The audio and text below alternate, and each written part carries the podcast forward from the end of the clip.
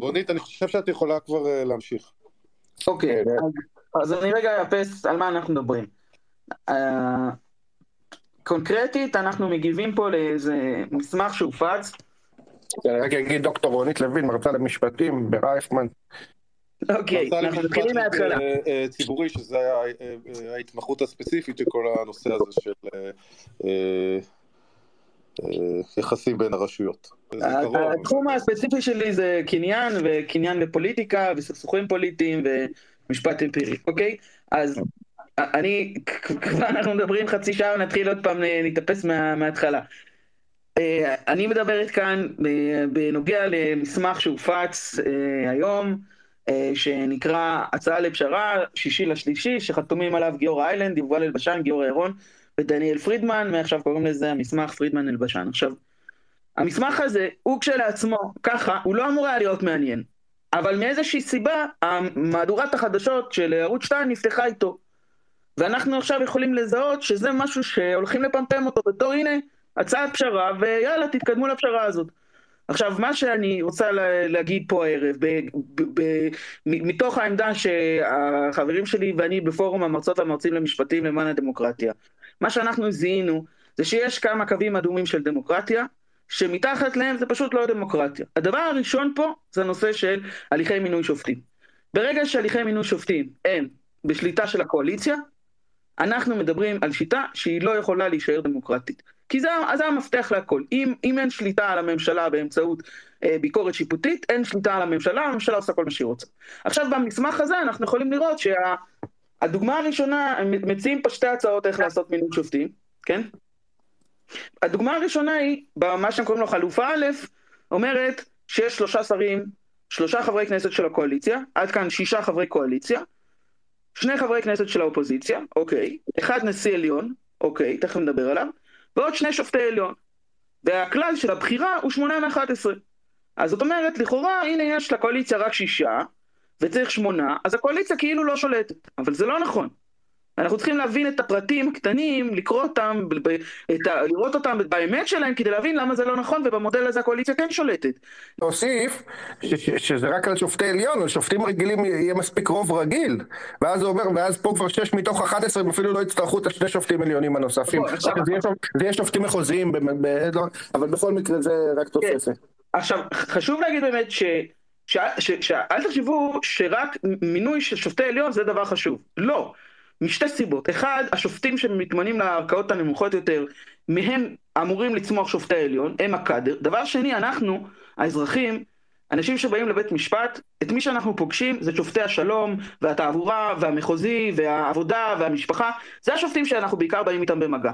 אם השופטים האלה הם שופטים שנשלטים על ידי הקואליציה, אז אנחנו יודעים למה לצפות. אנחנו מבינים כבר שזה מערכת שהיא מושפעת לא משיקולים מקצועיים, אלא משיקולים פוליטיים. אני רוצה, וה... אני רוצה להוסיף אה, אה, בנקודה הזאת, מנקודת המצ... המבט שלי כעורך דין שבא להתדיין בבית המשפט, לרוב דווקא בבית משפט מחוזי ושלום. עכשיו, אה, אה, מה קורה? אה, כשאנחנו מצויים, מצויים בסיטואציה של אה, בית משפט, של סכסוך, אז תמיד יש צד אחד שיותר מרוצה וצד אחד שפחות מרוצה מהשופט, מאיך שהוא מתנהל, מפסק הדין. עכשיו, אה, כל עוד אנחנו יודעים שהשופטים הם הגונים, אז אנחנו מכילים את זה, אז בסדר, אז אה, זה חלק מכללי המשחק. אנחנו כעורכי דין, אנחנו יודעים שאנחנו חייבים אה, לכבד את החלטת בית המשפט, אם אנחנו אה, אה, אה, מבסוטים ממנה, אם אנחנו אה, מרוצים ממנה או לא. אבל ברגע שאני יודע שההחלטה היא לאו דווקא עניינית, אלא ההחלטה, ברגע שהוועדה למינות שופטים בוחנת שופטים, אה, בין השאר אה, משיקולים פוליטיים. למשל, כן, אם המתדיין או העורך דין הוא איזה חבר אה, מרכז מפלגה והפוליטיקאי שולט בזה, אז השופט יודע שככה הוא מתקדם. וככה הוא גם לא מתקדם. וברגע שאנחנו מאבדים את האמון הבסיסי הזה, שהפסיקה היא עניינית, בין אם היא נכונה או לא, בין אם היא מוצדקת או לא, אבל היא עניינית, אפשר לסגור את כל מערכת המשפט, מבחינתי. זהו, סליחה, רק רציתי להוסיף. זהו, אז, אז, אז מאוד חשוב לי באמת להדגיש את הנקודה הזאת עוד פעם, אנחנו צריכים, אנחנו מצד אחד כמובן יש לנו חשש, במיוחד שאנחנו שמים דגש על מינוי שופטי עליון, אבל המינוי של השופטים לכל הערכאות הוא חשוב כדי שיהיה מדובר במערכת משפט אה, שיש לה איזושהי משמעות, שהיא לא רק אה, משחק מכור. עכשיו, משחק מכור ומערכת משפט, דברים שלא הולכים ביחד.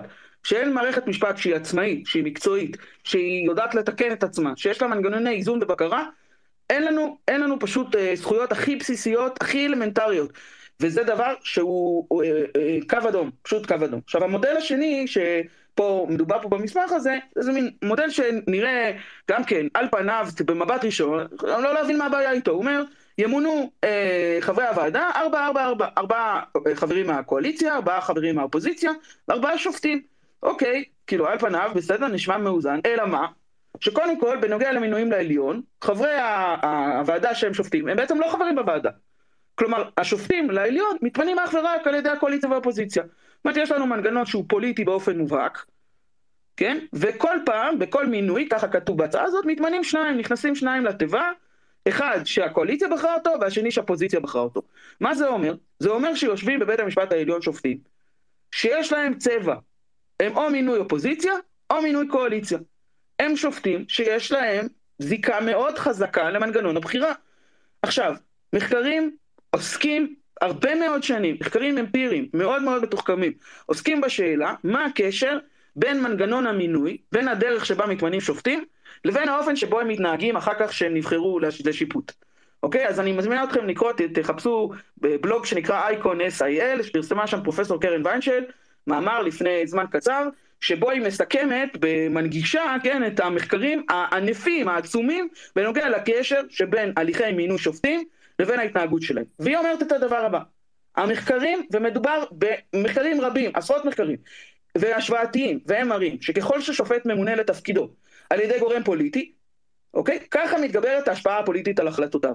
כלומר, באופן לא מפתיע, שופטים שמתמנים על ידי פוליטיקאים, הם פוליטיים בהתנהלות שלהם. אוקיי? בעשרות מחקרים השוואתיים נמצא, כי ככל ששיטת מינוי השופטים בבית משפט מערבת יותר שחקנים פוליטיים ופחות נציגים מקצועיים, היא אומרת, כך מידת ההשפעה של עמדות השופטים על פסקי הדין שלהם עולה. זאת אומרת, אנחנו יכולים לצפות על בסיס ההשוואה, שמה שאנחנו נראה זה יותר פסיקה שהיא פוליטית ושהיא אה, מפוצלת לפי עמדות של השופטים. עכשיו אנחנו חיים בחברה מאוד שסועה.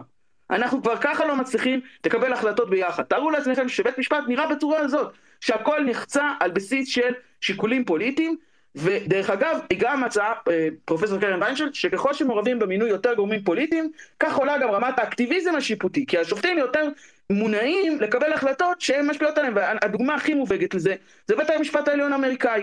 אז, אז זה שארצות הברית היא דמוקרטיה, זה לא אומר ששיטת מינוי השופטים של העליון היא שיטה טובה, להפך. האמריקאים מתחרפנים היום משיטת מינוי השופטים שלהם לעליון. וזה משהו שהם לא יכולים לשנות אותו, כי יש להם חוקה ש-50 מדינות אה, כבולות אליה, והם לא יכולים לשנות את החוקה. עכשיו, מה שקרה זה שהם עברו captured, השיטה שלהם למינוי שופטים על ידי פוליטיקאים, נתפסה על ידי קבוצה פוליטית, שקבוצת קהלת אצלנו, פורום קהלת, קשור לאותה קבוצה פוליטית, שמה שהיא עשתה זה היא דאגה להכשיר שופטים ולדחוף אותם ולקדם אותם ולדאוג שהם יגיעו למינויים לעליון, והדבר הראשון שראינו אחרי שהם איישו את בית המשפט העליון במינויים שלהם, זה שבוטלה הזכות להפלות. אז, אז זה, זה מה שאנחנו הולכים לראות, זה יהיה הכיוון. לכן המוד, המתווה הזה הוא מתווה גרוע ביותר, אה, שאין שום רוני, אפשרות רוני, אה, אולי, אולי לו. תוכלי לחזור מה ספציפית במתווה הזה אה, על, ה, על העניין הזה של, ה, של המאזן כוחות בוועדה לפי ההצעה. אז, אז באמת, עכשיו אני מתייחס לחלופה השנייה ברעיון הזה, שיש כאן ארבעה חברים מהקואליציה, ארבעה חברים מהאופוזיציה וארבעה שופטים שהם משקיפים ביחס למינויים לעליון. זאת אומרת שבכל מינוי הולך ככה, כל פעם מתמנים שניים, כאשר הקואליציה בוחרת אחד והאופוזיציה בוחרת אחד. זאת אומרת שאנחנו מחלקים את השופטים בעליון לכחולים ואדומים, והם מתיישבים בכיסאות שלהם הכחולים והאדומים, ואנחנו יכולים לצפות לכך שבית המשפט יהיה עוד יותר פוליטי, עוד יותר מושפע מאידיאולוגיות, עוד יותר מקוטב, עוד יותר משוסע, ועוד פחות אפקטיבי בתור גורם שהוא מאזן למחלוקות הפוליטיות בישראל. ולא, ולא פחות חשוב, כן, גם פחות מקצועי. כי השופטים בוחרים בכל זאת את השופטים המקצועיים שהם התרשמו מהם. אה, וזה ברור לא- שברגע אני ש- רוצה להוסיף גם- אני רוצה גם להוסיף עוד משהו, לאורך זמן, ברגע שכבר ייווצר המצב שכל צד בחר את השופטים שלו ובית המשפט יהפוך להיות בית משפט של חצי חצי, זה בעצם יהיה בית משפט משותק שבחיים לא יוכל לפסול, לפסול אף חוק. גם אם לפי החוק הוא יוכל לפסול חוקים, כי לפי המתווה הזה צריך בשביל לפסול חוק צריך רוב של 11 מתוך 15. אם יש לך, אם יש לך בדיוק חצי חצי, בחיים לא תוכל להגיע, בחיים לא תוכל להגיע לרוב של 11. אז אתה בעצם משתק את בית המשפט בנושא הזה של ביקורת על המחוקק. בקיצור, המשמעות של הרעיון הזה זה שאנחנו נקבל נאמנים פוליטיים בבית המשפט העליון, השופטים ייבחרו על בסיס הנאמנות הפוליטית שלהם לגורמים הממנים, יהיה לנו בית משפט פוליטי, לא מקצועי, לא אה, מאוזן, ודרך אגב חייבים להגיד משהו על ישראל שהיא לא דומה לארה"ב במובן הזה, שאנשים פה מחזיקים עמדות מעורבות, הם יכולים להיות קפיטליסטים בדעות הכלכליות שלהם ויותר חז... ככה לימין בעמדות הביטחוניות שלהם והם יכולים להיות לא לגמרי דתיים אלא מסורתיים וזה וככה וכולם פה עם קומבינציות מאוד מאוד ייחודיות. אז, אז, אז המחשבה שבית המשפט יהיה חצוי בצורה כל כך חדה בין ימין ושמאל או בין קואליציה ואופוזיציה היא בהחלט אה, מדאיגה מאוד מבחינת היכולת של בית המשפט לשמש גורם שהוא אה, איזשהו אה, אה, גורם ככה נכון בתוך המשטר הפוליטי. אוקיי? אז זה הדבר אני, שהוא... אני גם, אני גם אה, לא מצליח להבין למה, הרי, הרי הוועדה הנוכחית, כן, יש, אולי לא מושלמת, אבל לפחות יש בה אה, חמישה נציגים מקצועיים, שזה שלושה שופטים ושני עורכי דין, אה, שהם משפטנים. מה, מה פתאום להפוך את הוועדה לפוליטית לחלוטין, שלאף, לא יהיה בה שום גורם מקצועי, לא שופטים, לא עורכי דין, לא אף משפטן.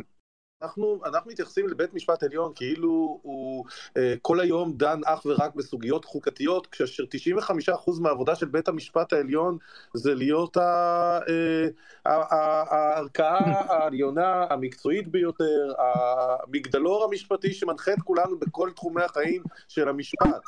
רק חמישה אחוז אולי מהזמן שלהם מתעסקים בעניינים ש, שקשורים ב, ב, ב, במדינה. וזה רק אוקיי. מראה בעיניי, כאילו, כמה זה, כל, כל, כל העניין הזה לא ענייני. כן, אני, אני, שנייה, לפני שממשיכים, אני רק רוצה לה, להגיד משהו שהתחלתי איתו. אה, בערוץ 12, שפתחו עם זה את המהדורה, הם בעצם הציגו רק את הנושא הזה שדובר עליו עכשיו, של התיקו בוועדה לבחירת שופטים, ומשהו, ועוד איזה משהו על חוקי יסוד, שתי כנסות רצופות, ופסילת חוקים ברוב של 11 מתוך 15. זה, זה, אלה, אלה ארבעת הנקודות, שלושת הנקודות היחידות שהוצגו מהמתווה. היו, יש במתווה עוד הרבה נקודות שלא הוצגו.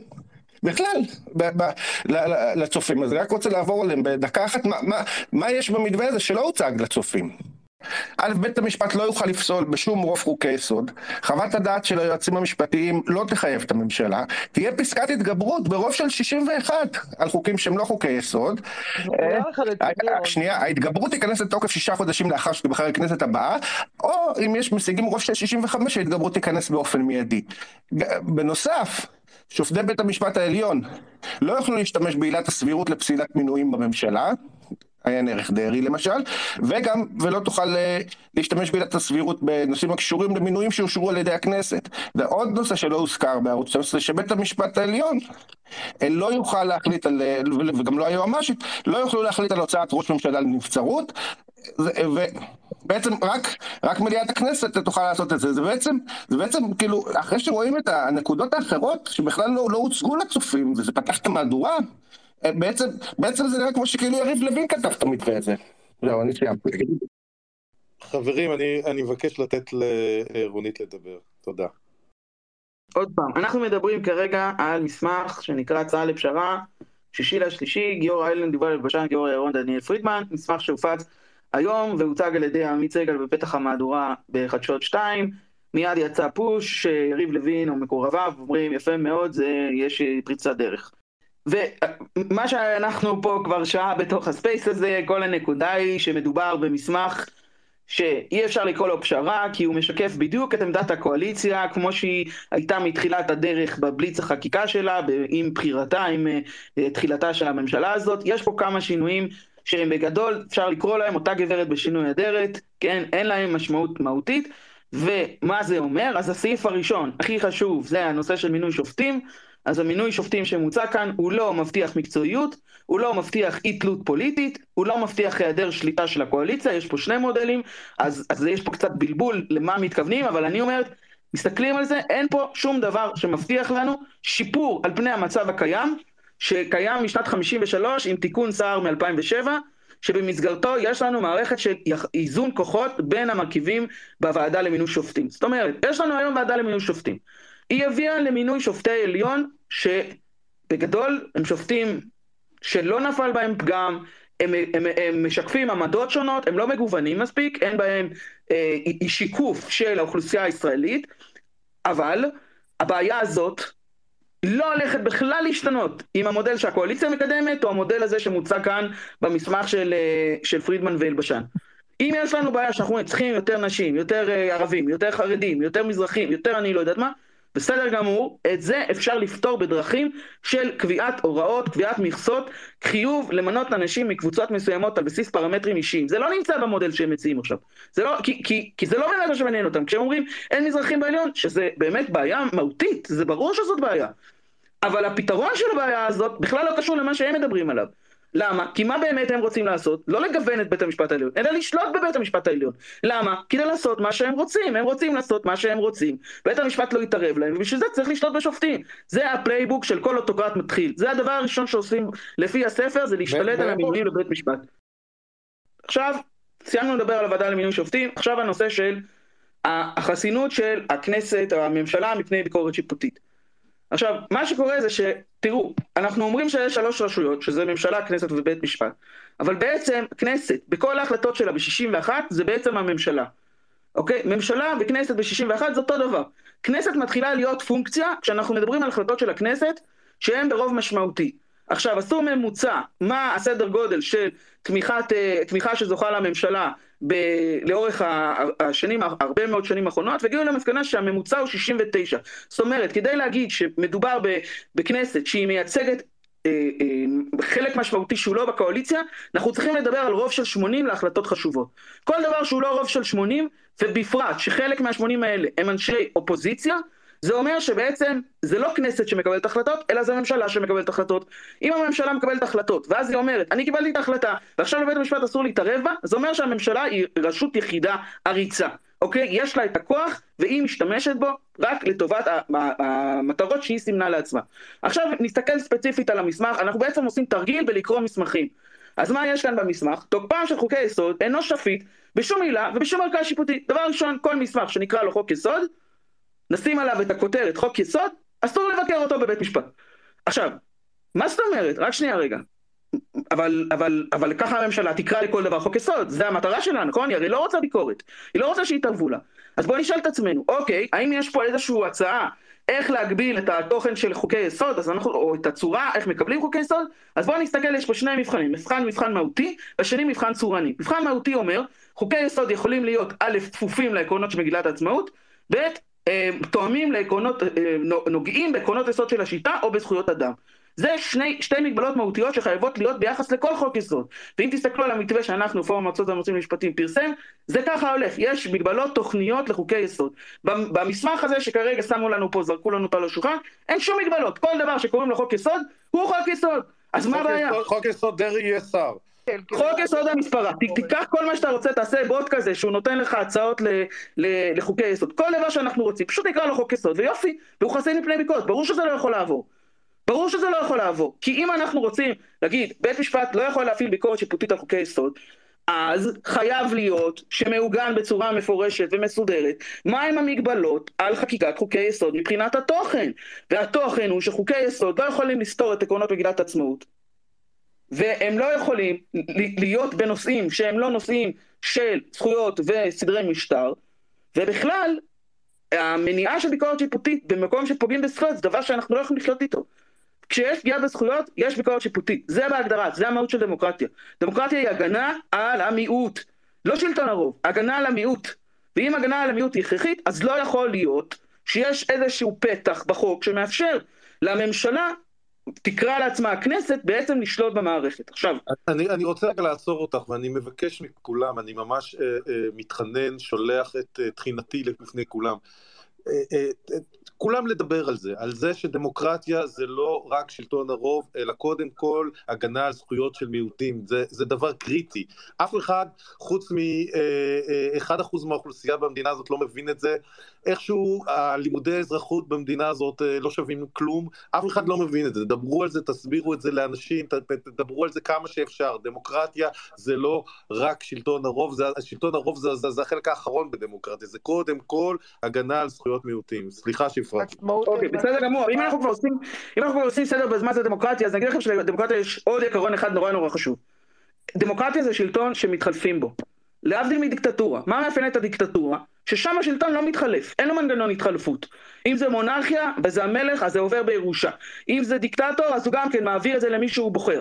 בדמוקרטיה יש חילופי שלטון, זה המהות, המהות של, השיל, של השיטה הדמוקרטית זה חילופי שלטון. כדי שיהיו חילופי שלטון, אסור שהממשלה תהיה עריצה. היא לא יכולה לקבוע את חוקי המשחק ולמנוע מאחרים לשנות אותם. ובגלל זה חייבים ביקורת שיפוטית. אם אין ביקורת שיפוטית, אז מה שיהיה זה היעדר בחירות. צריך להפנים את זה. אין שום ביטחון ביציבות של תחלופת הכנסת. מה שאנחנו לוקחים כמובן מאליו שהכנסת תתחלף בתום תקופת הכנסת הזאת, זה פשוט לא מובן מאליו. למה? כי אנחנו יכולים לשנות, אנחנו הממשלה, נשנה את כללי המשחק, נגיד שהממשלה, שבית המשפט לא יכול להתערב בזה, וגמרנו, אין בחירות חופשיות יותר. והסיכון הזה, זה הסיכון שאנחנו מתמודדים איתו. אז דמוקרטיה זה הגנה על המיעוט ותחלופת שלטון. הבטחה של אפשרות לתחלופת שלטון. בישראל יש לנו מערכת שהיא מעוגנת למודל הזה של הדמוקרטיה. כי במגילת העצמאות כתוב שמדינת ישראל תקיים שוויון וחירות. זה כתוב, זה האני מאמין שלנו, אי אפשר לזוז מזה. אי אפשר עכשיו לייצר, בגלל שלממשלה הזאת יש שליטה בכנסת, שזה דבר טבעי, לכל ממשלה יש שליטה בכנסת, אי אפשר להפוך את העקרונות היסודיים האלה. זה התשתית המשותפת שלנו כחברה. אוקיי, עכשיו אני רוצה לחזור לזה שאמרתי, שלחוקי יסוד יש שתי מגבלות שצריכות להיות חלות עליהן. אחד, מגבלות מהותיות, והשני מגבלות צורניות. מה זה מגבלות צורניות? זה כמה אצבעות צריך כדי לאשר חוק יסוד. עכשיו, תראו, אנחנו עכשיו בקריאה מונחית. מה מציעים לנו פה במסמך הזה פרידמן אלבשן? שהרוב שדרוש לאשר חוקי יסוד זה 61 חברי כנסת. אז זה אומר שמי מאשר חוקי יסוד? הממשלה, כי הממשלה תמיד יש לה 61 אה, אצבעות בכנסת, אחרת היא, לא, היא נופלת באי אמון. זאת אומרת שממשלה יכולה לקבוע כל דבר בחוק יסוד, ואז אין עליו ביקורת שיפוטית. אז זה מודל גרוע, גרוע ביותר, גם בזה שאין מגבלות תוכניות, וגם בזה שאין מגבלות צורניות. עכשיו, נכון, כתוב כאן, שאם לא יתקבל חוק היסוד ברוב של פחות, שהוא פחות מ-70, אז אם הוא עוסק, או שאם הוא עוסק בשינוי שיטת הבחירות, אז תתקיים עוד קריאה נוספת כדי להכניס את החוק לתוקף לאחר הבחירות לכנסת הבאה. זה ממש לא מספיק. זה ממש לא מספיק. א', 70 זה לא מספיק. ב', 70 זה לא מספיק, כי כמו שאמרתי קודם, כבר אנחנו יכולים לראות שקואליציות יכולות לשלוט ביותר מ-61 ואפילו להתקרב ל-69 בבדיקה רבת שנים, אלא שאין כאן מגבלה מהותית והרוב של ה-70 הוא לא רוב מספיק אה, יציב, כי קל מאוד לסחוט מעבר, ואנחנו ראינו את זה בבחירות האחרונות, או בכנסת הקודמת, כמה קל לסחוט אנשים, להעביר אותם ממחנה למחנה, במיוחד שאנחנו גם יודעים שהפוזיציה שלנו היא לא מקשה אחת, היא אופוזיציה מאוד מגוונת. אוקיי, אז זאת בעיה נוספת, אה, שהיא קו אדום של דמוקרטיה, וזו היכולת של בית המשפט להבטיח אה, זכויות ואת המאפיינים הבסיסיים של השיטה. אם אני ממשיכה עם המסמך הזה, יש כאן עוד נקודה שהיום אנחנו גם ניסינו להדגיש אותה בשיח, והיא קשורה למה המעמד של מה שכבר קיים. אוקיי? יש לנו היום חוקי יסוד קיימים. בפרט יש לנו את חוק יסוד כבוד אדם וחירותו. עכשיו, מה המעמד של זה? אם, אם אנחנו מתקדמים קדימה, האם זה בתוקף או לא בתוקף? אוקיי? עכשיו, הם מחביאים כאן איזה מין אה, פצצה קטנה מושט, שאומרת שהחוקים הקיימים, אני מסתכל על סעיף 2ד, החוקים הקיימים, חוקי היסוד הקיימים, יאושררו ברוב של 70. אבל אם הם לא יאושררו ברוב של 70, אז הם לא יהיו חוקי יסוד, אז מה יהיה המעמד שלהם? אז אנחנו עשויים בכלל פתאום למצוא את עצמנו בלי הגנה בכלל של חוק יסוד כבוד האדם וחירותו. ודבר נוסף... רק זה... להסביר לכולם אולי, זה, זה ללכת 30 שנה אחורה ויותר. אה, אה, כן, זה ויותר, ויותר. ויותר, כי מקובל בעולם המשפט ש... אם יש משהו שהוא לא כתוב במפורש, אז אה, אפשר אולי לפרש שהוא נמצא, אבל אם מחוקקים או קובעים הסדר שמבטל משהו שקיים, או, או מגיעים למצב שבעצם מתבטל, אז יכולים לראות בזה מין החלטה מודעת שההסדר הזה לא יחול. אז אפילו לא לחזור למה שהיינו, זה יכול ללכת למקום שמעולם לא היינו בו. כי תמיד, אני אומר, לקרוא את פסקי הדין משנת 48, 49, פסקי הדין הראשונים של בית המשפט העליון, הוא תמיד אומר, יש לנו, אני מאמין חוקתי, יש לנו זכויות טבועות מעצם המשטר שלנו, ובית המשפט לא צריך שום הסמכה בשביל זה, הוא לא צריך את אהרן ברק, הוא לא צריך מהפכה חוקתית, הוא לא צריך שום דבר, הוא אומר, יש לנו דברים טבועים. באה הממשלה הזאת, הקואליציה הזאת, והיא אומרת, לא, אני רוצה לקחת את כל הדברים הטבועים, את כל הדברים הבסיסיים, וכל מה שאנחנו לא כותבים אותו במפורש, אז הוא לא קיים. וזה החשיפה שלנו לפגיעה בזכויות אדם. וזאת החשיפה שלנו לפגיעה בשוויון, וזאת החשיפה שלנו לעריצות הרוב. זה הדברים שאנחנו חייבים, חייבים, חייבים להבין, שהם קו אדום של דמוקרטיה. אז אני, אני רק רוצה לחדד, במתווה הזה המוצע של אלבשן פרידמן, אין, אין, גם לא מוצ... מדובר על זה שצריך לחוקק מחדש, את, לאשרר את חוקי היסוד ברוב של 70, וגם אין, אין מתווה ברור לאשרור לחוקי יסוד חדשים, גם מבחינה מהותית וגם מבחינה צורנית. כן, אין מגבלות, אין מגבלות מהותיות וצורניות, מה שאומר שאנחנו חשופים כאילו מכל הכיוונים.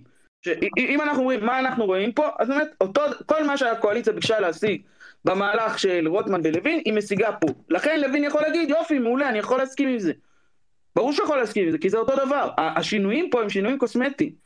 הם לא, הם לא מתיישבים עם, שוב, עם שום קו אדום, שהוא קו אדום של דמוקרטיה. בסדר? יש קווים אדומים, תראו, יש לנו סרטון, תיכנסו לטוויטר שלנו, פורום המועצות והמרצים למשפטים, היום העלינו סרטון קווים אדומים. זה הקווים האדומים, כל, כל מודל, כל הצעה, כל פשרה, בסדר, אז אנחנו דיברנו על הקו הראשון זה המינוי שופטים, הקו השני זה חוקי יסוד, אוקיי? במיוחד הדגשתי לגבי אה, אה, חוקי יסוד שחייבות להיות עליהם מגבלות מהותיות וצורניות על האופן שבו מחוקקים אותם. בלי מגבלות כאלה, אז ברגע שאומרים שמגבילים את הביקורת השיפוטית של בית משפט על כל דבר שקוראים לו חוק יסוד, בעצם פתחנו פה פתח עצום כן, יש לנו חור בצנרת, כל דבר שאנחנו לא מעבירים אותו, מה אכפת לנו בכלל פסקת התגברות? בכלל לא משנה איך פסקת התגברות נראית. פשוט נקרא לזה חוק יסוד ואז יהיה חסין מביקורת שיפוטית. בסדר, אז בגלל זה כשאנחנו אומרים כל הזמן, תסתכלו על כל המערכת, תבינו את כל המערכת, אז, אז תחשבו על זה כמו מערכת אינסטלציה. מספיק שיש חור באיזשהו מקום והכל דולף. זה לא משנה שהברז הראשי סגור יפה. זה משנה מה קורה בפינות. וזאת פינה אדירה, הנושא של החוקי יסוד, ולכן אם אנחנו אומרים, אוקיי, בוא נסתכל, האם זה משהו שאנחנו יכולים לחיות איתו? ממש ממש לא. אה, קו אדום גדול מאוד, עכשיו, אה, אה, עבה מאוד. עכשיו, הנושא השלישי זה הנושא של הגנה על זכויות יסוד. אוקיי? אנחנו צריכים לראות בכל, בכל מודל ש, שמניחים לנו, מה, מה ההגנה פה על זכויות. איך, איך הזכויות מוגנות. אז הזכויות מוגנות להיות על ידי זה שבית משפט הוא עצמאי ו, ולא פוליטי, אז זה נפל, אין לנו את זה. הן אמורות להיות מוגנות על ידי זה שאי אפשר להימלט מביקורת שיפוטית על ידי זה שקוראים למשהו חוק יסוד, אין לנו את זה. ואז דבר שלישי, יש לנו את הנושא של חוק רגיל, האם בית משפט יכול לפסול אותו. אוקיי? עכשיו, כמו שכבר אמרתי, כבר, כבר, זה כבר הדבר השלישי, אנחנו כבר, כבר יש לנו מלא חורים בצנרת כבר ככה. אבל בואו נראה בכל זאת מה, מה המתווה הזה מציע לגבי חוקים רגילים. ואז הוא אומר, חוקים רגילים, אפשר לקבל החלטה לפסול אה, אה, פסק אה, חוק, אבל זה צריך להיות בהרכב של שלושת רבעי מהמליאה של החברים. עכשיו, היום הרכב בית המשפט העליון מונה 15 חברים. מחר הוא יכול למנות 21 חברים. מחרתיים 35. למה? כי כל מה שדרוש כדי להגדיל את מספר השופטים בבית המשפט העליון הוא החלטה של הכנסת, ואנחנו יודעים מי כרגע שולט בה. אז קודם כל, חייב להיות עיגון בתוך המתווה נורמלי למספר השופטים, ולאופן שבו משנים את מספר השופטים. עכשיו, שלושת רבעי מתוך 15 זה מספר עצום, שאי אפשר לצפות שהוא יהיה אי פעם ריאלי, במובן הזה שבית המשפט העליון לא מסוגל להתכנס בהרכבים של 15, הוא לא עושה את זה, הוא לא יכול לעשות את זה מבחינה מעשית. הרוב הדרוש כאן הוא רוב פנומנלי, ולכן הביקורת השיפוטית האפקטיבית על חוקים למעשה קטנה בצורה אה, קיצונית. וככל שהיא... תקני אותי אם אני טועה, אבל אני, אני, לא זוכר, אני לא זוכר אה, אה, אי פעם דיון של בית משפט עליון בהרכב של 15 שופטים. אנחנו לא מצאנו כזה מקרה. בדקנו את זה ולא מצאנו כזה מקרה. עכשיו, ת, תחשבו על ההחלטה העצומה שהייתה במבצר הדמוקרטיה, שרבים מאיתנו מתחרטים או עצובים עליה היום, כן, ה-011, אה, לגבי הכשירות של אה, ראש ממשלה עם כתב אישום. זה דבר באמת אה, שאומר לנו, הנה, יכולים להגיע לקונסנזוס רחב, זה נכון, אבל האם יהיה קונצנזוס רחב כאשר באים לתקוף את הממשלה, כאשר באים לא לקבל את מה שהממשלה רוצה, אלא לתקוף אותה, אלא לצאת נגדה, אלא להגיד הנה משהו שהכנסת עשתה, הוא עד כדי כך חמור שאנחנו מתערבים ומבטלים אותו, מה הסיכוי ששלושת רבעי מתוך ההרכב המלא יסכימו לדבר כזה, זה דבר מאוד קיצוני, ושוב, עוד פעם נשאל את עצמנו, מה המטרה של פסילת חוקים? למה בכלל לבית משפט צריכה להיות סמכות לפסול חוקים? למה? הרי אם הכנסת מחוקקת, למה בית משפט צריך להתערב בזה? התשובה היא שלכנסת יש מגבלות על הכוח שלה. הכוח של הכנסת מוגבל, הכוח של הממשלה מוגבל, בעקרונות היסוד של השיטה כפי שהם קבועים במגילת העצמאות. הכוח של הממשלה מוגבל בזכויות אדם, אי אפשר לפגוע בזכויות אדם בגלל שהרוב בוחר לעשות את זה. תמיד לרוב יכול להיות, או לרוב אקראי או לקבוצה שהיא כרגע שולטת, קבוצת אינטרס, יש לה סיבות שהיא תרצה לפגוע בזכויות. יש לה סיבות לעשות את זה, כי היא לא אלטרואיסטית. ככה זה מי שמחזיק בכוח. אז כשאנחנו אומרים של... יפה, ולא סתם לזכות קוראים זכות, כי דבר שהוא תובע מהשלטון משהו שאולי הוא לא רוצה לתת, הוא לא רוצה להיות כפוף לו. בא הפרט ואומר לממשלה, אני יותר חזק ממך, אני בא עם הזכות שלי ואת באה עם התקציב שלך והכוח שלך, ועדיין אני מנצח אותך, כי הזכות שלי בתור אדם, הערך שלי, האוטונומיה שלי בתור אדם, יותר גדולה מהחלטה פוליטית.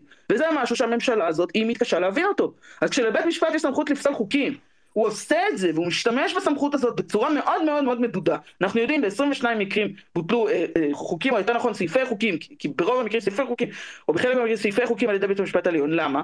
כי היה שם מצב שבו בית המשפט אמר, מצב קיצוני, שלא יכול להיות. תחשבו למשל על המתקן הכליאה בחולות. מתקן הכליאה בחולות מערב אנשים שהם לא אזרחים אפילו. זאת אומרת, אין להם, הם אפילו לא בחרו בכנסת. הם לא מיוצגים בה, שזה שזה לא במקרה, כי יש עוד מקרים שהכנסת מנסה לפגוע באנשים שהם החלשים ביותר בחברה, גם מבחינה פוליטית וגם מבחינה חברתית. אז כש, כשבית המשפט אומר, אני המגן שלהם, הוא לא עושה את זה כי הוא רוצה להחליט במקום הכנסת והוא רוצה להיות פוליטיקאי. לא, הוא עושה את זה כי הכנסת לא מבינה לפעמים, הממשלה לא מבינה לפעמים את מגבלות הכוח שלה. אז אם אנחנו קובעים מנגנון שמאפשר את הדלף הזה של חוקים מאוד מאוד פוגעניים בעקרונות היסוד, מבלי שבית המשפט יכול לפסול אותם, אלא אם כן הוא מגיע לרוב עצום מבין חבריו, אנחנו חושפים את השיטה שלנו לפגיעות מאוד קשות בלי הגנה. וזה דבר שהוא מבחינתנו קו אדום. עכשיו, יותר מזה, לא מספיק שדרשו רוב של 12 מ-15 או שלושת רבעי ממליאת בית המשפט, דורשים גם לקבוע שהכנסת ב-65 חברים יכולה לחוקק מחדש חוק שבית המשפט ביטל אותו.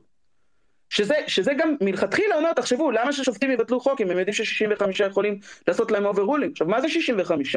65 זה לא הסכמה רחבה, זה כוח ממוצע של כנסת, של ממשלה. וממשלה ממוצעת שולטת בכנסת בצורה כזאת, אפילו ביותר.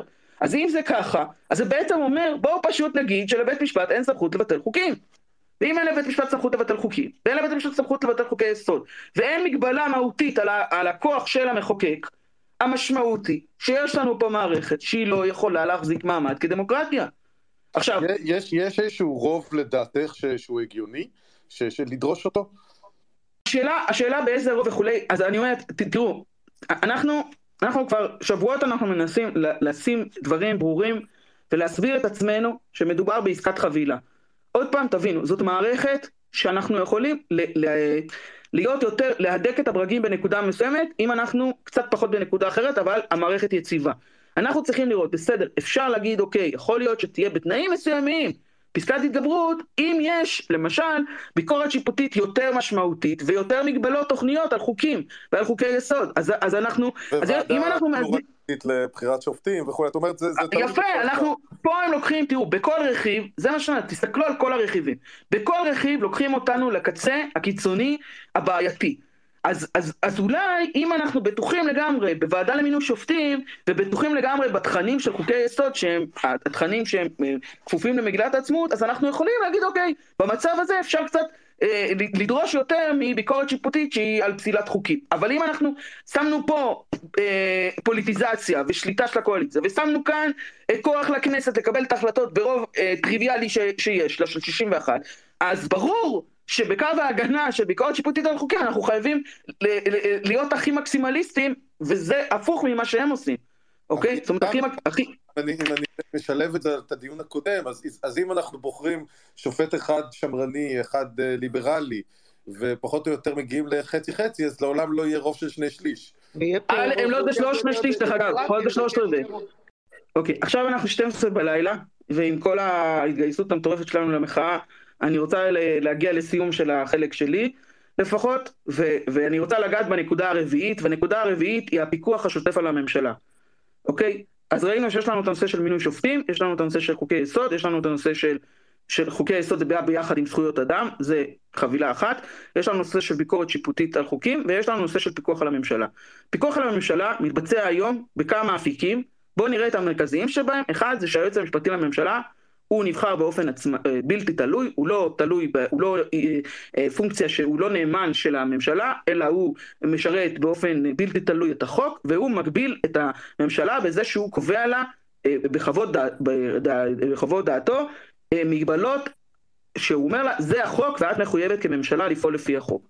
במקרים מאוד נדירים, גם בשיטה הקיימת, יכול יועץ משפטי לממשלה להגיד לממשלה, את רוצה לקבל, לעשות משהו שאני לא יכול לקבל אותו, בואו, אני אציג את עמדתי לבית המשפט העליון, את תציגי הממשלה את עמדתך לבית המשפט העליון, ככה היה למשל בחוק ההסדרה. וכבר היום קיים דבר כזה, שבמקרים מאוד מאוד קיצוניים של אי הסכמות, אז יש בעצם מעבירים את הסוגיה לבית המשפט העליון. מה שהממשלה רוצה לעשות, הקואליציה, מה שהיא רוצה לעשות, וגם מה שאנחנו רואים במתווה הספציפי הזה, ש, שאנחנו מדברים עליו עכשיו, זה לתת את ה... את ה אה, להחליש, לבטל בעצם את המעמד של היועצים המשפטיים. במקום להגיד כן, היועץ המשפטי לממשלה הוא אה, נותן חוות דעת שמחייבת את הממשלה, אז פה כתוב, תסתכלו סעיף 20, חוות דעת היועצים המשפטיים אינה מחייבת את הממשלה. אז, אז זה אומר שלממשלה אין שום מנגנון בקרה פנימי, שהיא בפעולות שלה, בהחלטות שלה, היא מקבלת איזשהו קול שאומר לה, ברקס, לא, את לא יכולה לעשות את זה. זה החלשה דרמטית של שומרי הסף, זה החלשה לאפס. וזה אומר שהממשלה פשוט עושה כל מה שהיא רוצה. ואם אחר כך יגישו נגדה אה, עתירה לבית המשפט העליון, ועד שהעתירה תתברר, ועד שיתברר מה, מה היה, אז קודם כל בהרבה מקרים כבר הנזק ייגרם, וגם אז, אז עולה השאלה, אוקיי, אז האם בית המשפט יוכל להתערב בפעולות הממשלה? ואז אומרים, לא, עילת הסבירות היא תקבל פרשנות מאוד מאוד מאוד מצומצמת, ובעצם גם היום המשמעות היא כבר מצומצמת, היא תהיה עוד יותר מצומצמת, והממשלה בעצם, היא, כל מה שהיא רוצה לעשות, היא בעצם תוכל לעשות אותו, אז זה אה, החלשה של הקו הרביעי, החלשה נוראית, אה, גם מבחינת המעמד של היועצים המשפטיים, גם מבחינת היכולת הפיקוח על פעולות הממשלה. מה שאנחנו רואים פה זה בדיוק את התסריט שהממשלה הזאת מציירת לנו כבר מה-day וזה לקחת את ישראל ממדינה שהיא דמוקרטיה עם מגבלות, דמוקרטיה שהיא לא מושלמת, היא דמוקרטיה בתנאים של כיבוש, ובכל זאת היא מקיימת מוסדות שהם בסך הכל מצליחים איכשהו, איכשהו, יש לנו הרבה מאוד ביקורת על זה, לאזן, לקחת את זה, לפרק את זה ולייצר מערכת שהיא שליטה מוחלטת של הממשלה בכל, בכל התחנות הרלוונטיות, באופן שהוא גם מאבד את, ה, את המאפיין הדמוקרטי של ישראל, גם מאבד את המאפיין של הכפיפות של המעמד של מגילת העצמאות, גם אה, מאבד את המאפיין שלנו בתור מדינה שהיא מתכתבת עם המדינות המערביות מבחינת הערכים המשותפים שלה, וגם, וזה הכי חשוב, חושף כל אחד ואחד מאיתנו לפגיעות אנושות בזכויות שלנו, מבלי שיהיה מי שיוכל אה, למנוע את זה, אז, אז זה, ה, זה המסמך הזה, וזה איפה שאנחנו נמצאים. ו... המתווה הזה של פשרת אלבשן פרידמן, מה הוא אומר על הסבירות? זה, זה, לא, זה לא מתווה פשרה, בסדר? בואו לא ניקח את לא, לא, כן, פשרה במרכאות. הוא אומר, הפיקוח יהיה בעילת סבירות אה, מאוד מאוד אה, מצומצמת וצרה ביותר, כמו שפירש את זה שופט סולברג. אה, לא עילת הסבירות לא תשמש לפסילת מינויים בממשלה ובכנסת, והיא לא תשמש, וזה דבר מאוד מאוד משמעותי בישראל, עילה להתערבות בהקצאת מקורות. מה זה הקצאת מקורות? זה הקצאת משאבים, זה הקצאת. קרקע, כספים, זאת אומרת כל הדבר המשמעותי שבסופו של דבר הממשלה מוציאה, מחלקת כסף, משאבים, קרקע, זכויות, בזה אי אפשר יהיה להתערב אה, או בעצם... או בביטוי, אה, כן, בכלום בעצם. בקיצור, אני לא יודעת מי קרא לזה, לא מתווה, לא פשרה, לא הצעה, מבחינתי, אה, אנחנו, כל, כל מה שעשינו כאן הערב, והסיבה היחידה שחשבתי שזה חשוב לעשות את זה, זה בגלל שבשבילנו זאת הזדמנות לקחת זמן ולראות איזה תרגיל מודרך איך לקרוא מסמכים. אז הסיכום שלי הוא כזה, הסוגיות המשפטיות הן מיועדות לאנשים בגדול שהם כבר רגילים לראות את המסמכים האלה ולגלות את הבאגים. אוקיי, אנחנו קוראי באגים, זה המקצוע שלנו, אנחנו יודעים לראות איפה זה נמצא. מה שאנחנו, אנחנו הקמנו את פורום המרצות למרצים למשפטים, כדי שעל כל השאלות האלה וכל אי הבהירויות וכל הספינים והמניפולציות תהיה תשובה אמינה ורצינית וככה עניינית, ופשוט תעקבו אחרי מה שאנחנו עושים, ואנחנו רוצים שהציבור, אתם מקשיבים, כל מי ששומע אותנו, שלא תנסו כל דבר גם, כאילו, שתבינו שיש לנו מגבלות אנושיות בלהבין אפילו את הפרטי פרטים האלה, כמה שאנחנו לומדים תוך כדי תנועה, ולכן אנחנו צריכים להסתכל ולהבין אותם במכלול שלהם, וגם בפרטי הפרטים שלהם, וברור לנו שמה שנמצא כאן, כרגע, המסמך שאני עכשיו דיברתי עליו, הוא מהווה בדיוק אותה סכנה כמו התוכניות שהקואליציה הולכת להעביר אותן בשבוע הבא. זהו, אני סיימתי. רונית, אה, קודם כל זה היה מאלף, אה, באמת, התותחית על, אני למדתי המון והחכמתי, אז המון המון תודה. ואני רוצה להגיד לך גם אה, להפך, נמצאים פה מובילי דעה, אנשים אינטליגנטים שיודעים להפיץ מסרים ויודעים, ויש להם הרבה עוקבים, תשתמשו בנו. אתם רוצים להפיץ איזשהו מסר, תעבירו לנו, אנחנו נעביר אותו הלאה בצורה ויראלית. אז תודה רבה רונית, וזהו. תודה רבה לכם.